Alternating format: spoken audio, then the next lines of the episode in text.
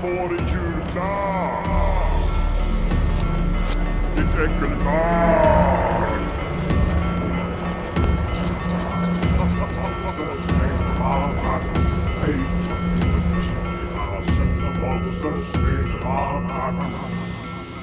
Eh, påminn mig om jag pratar om det här, men jag tror inte det. Vi ska till 1793. Oj, det var, då lär vi inte prata om det. Nej, i Röbäck. Okej. Strax före påsk i Röbäck 1793 så hade änkan Margareta Ersdotter haft ihop det med byns soldat. Jaha. Mm. Och soldaten var en Jonas Studsare. Kul att ha sex med han. Jävla värdelöst namn.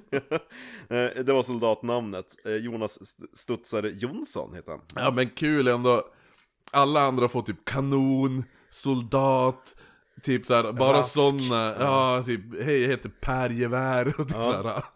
Per Han bara, du får heta Studsare. Per Gevär. Antagligen över efter någon form av studsargevär gissar jag. Ehm, som älgstudsare. Ja, Ja. Killgissning. Ja, Som Per Gevär då? pärgevär. ja. Efter drygt fem veckor så inser Margareta att hon inte har fått sin månadsrensning. Alltså hon har inte fått sin mens. mens. Ja. Månadsrensning, låter som fisk. Mm, Eftersom hon var änka och soldaten studsare var eh, singel så gick hon och snackade med honom och bara Men alltså vore det inte bra bara att vi gifter oss? Jag menar du är singel och jag Jag har har inte fått min fiskrens än. Ja, eller hur? Så det, jag menar, men det vore kanske en bra lösning, slipper jag ha ett oäkta barn. Och han bara, hellre går jag till stupstocken att äkta dig. Hade han sagt. Ungefär som du är ful.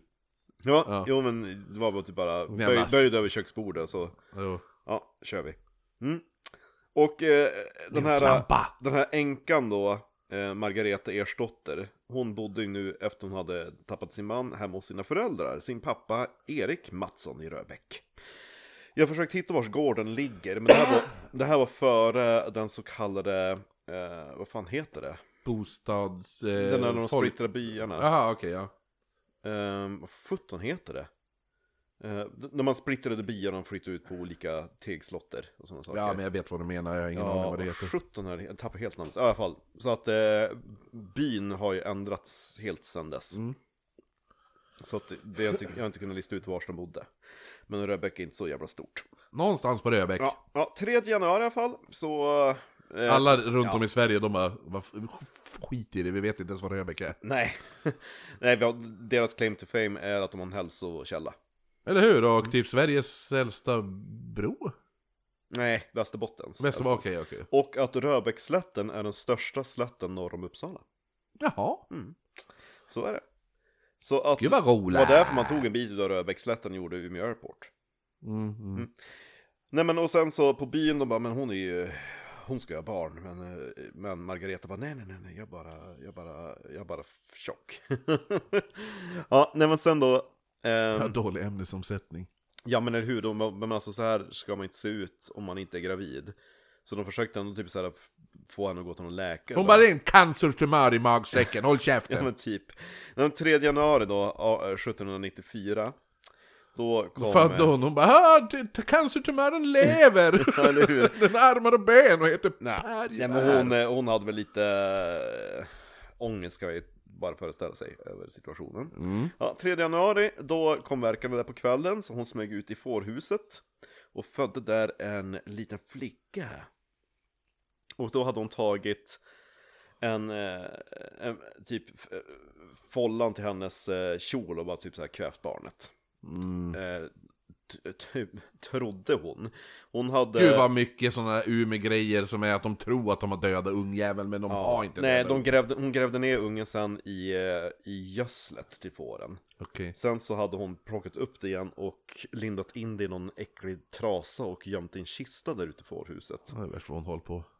Men, men eh, födseln hade varit ganska eh, påfrestande för henne. Så att man var tvungen att påkalla en eh, läkare. Och läkaren, det var typ såhär, man nej, vi till, till kalla barnmorska för vi fattar vad det är som har hänt.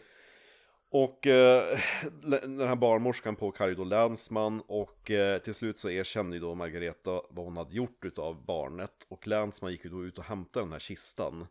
Och eh, barnet var så här, alltså den här jävla paketet med trasan och barnet var så här hopfruset. Det var med stor möda de kunde typ så här linda upp det.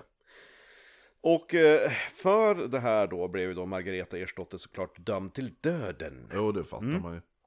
Och det här är jag lite stolt över för i... Jag är släkt med henne! Nej. Nej, nej, det är så här att eh, det står att hon, att hon dömdes till döden men man visste inte var hon avrättades. Okej. Ja, och du vet den här våran älskade Umeå-präst, han som för, förolämpade sin piga. Är du på tjocken? Hon, Ja, nej, jag bara, jag bara mår gott och har gått upp i vikt. Ja, ja. Han som skulle, han som bara, men jag kan, jag kan åderlåta dig här på typ så här skära handleden av sin Ja, piga och han som eh, var med när den här eh, galna bonden Skar av sig pungen. Ja, mot en slädsmede. Ja.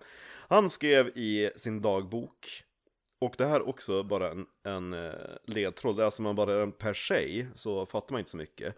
Men han skrev då att han såg röken ifrån bålet när en barnamörderska avrättades i Röbäck Aha. eh, i juli det året. Och Mm. det var någon änkefru. Ja, Och lägger man ihop det med de här två, det var den enda avrättningen det året. Ja, jo, jo. Så att hon blev avrättad på, på Gallbacken i Röbäck. Röbäck. Mm. Halshuggen och kroppen brändes. Coolt. Mm. Ja. Så det listar jag ut. Vad bra! Ja. Så var det med det. Det var det! Studsare. Stu- Studsare och pärgevär! Undrar hur, undrar hur det är att rida studsare. Ja, jo, det är spännande.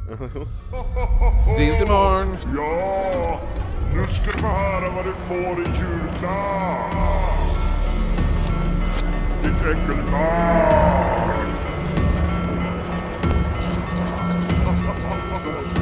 Hej.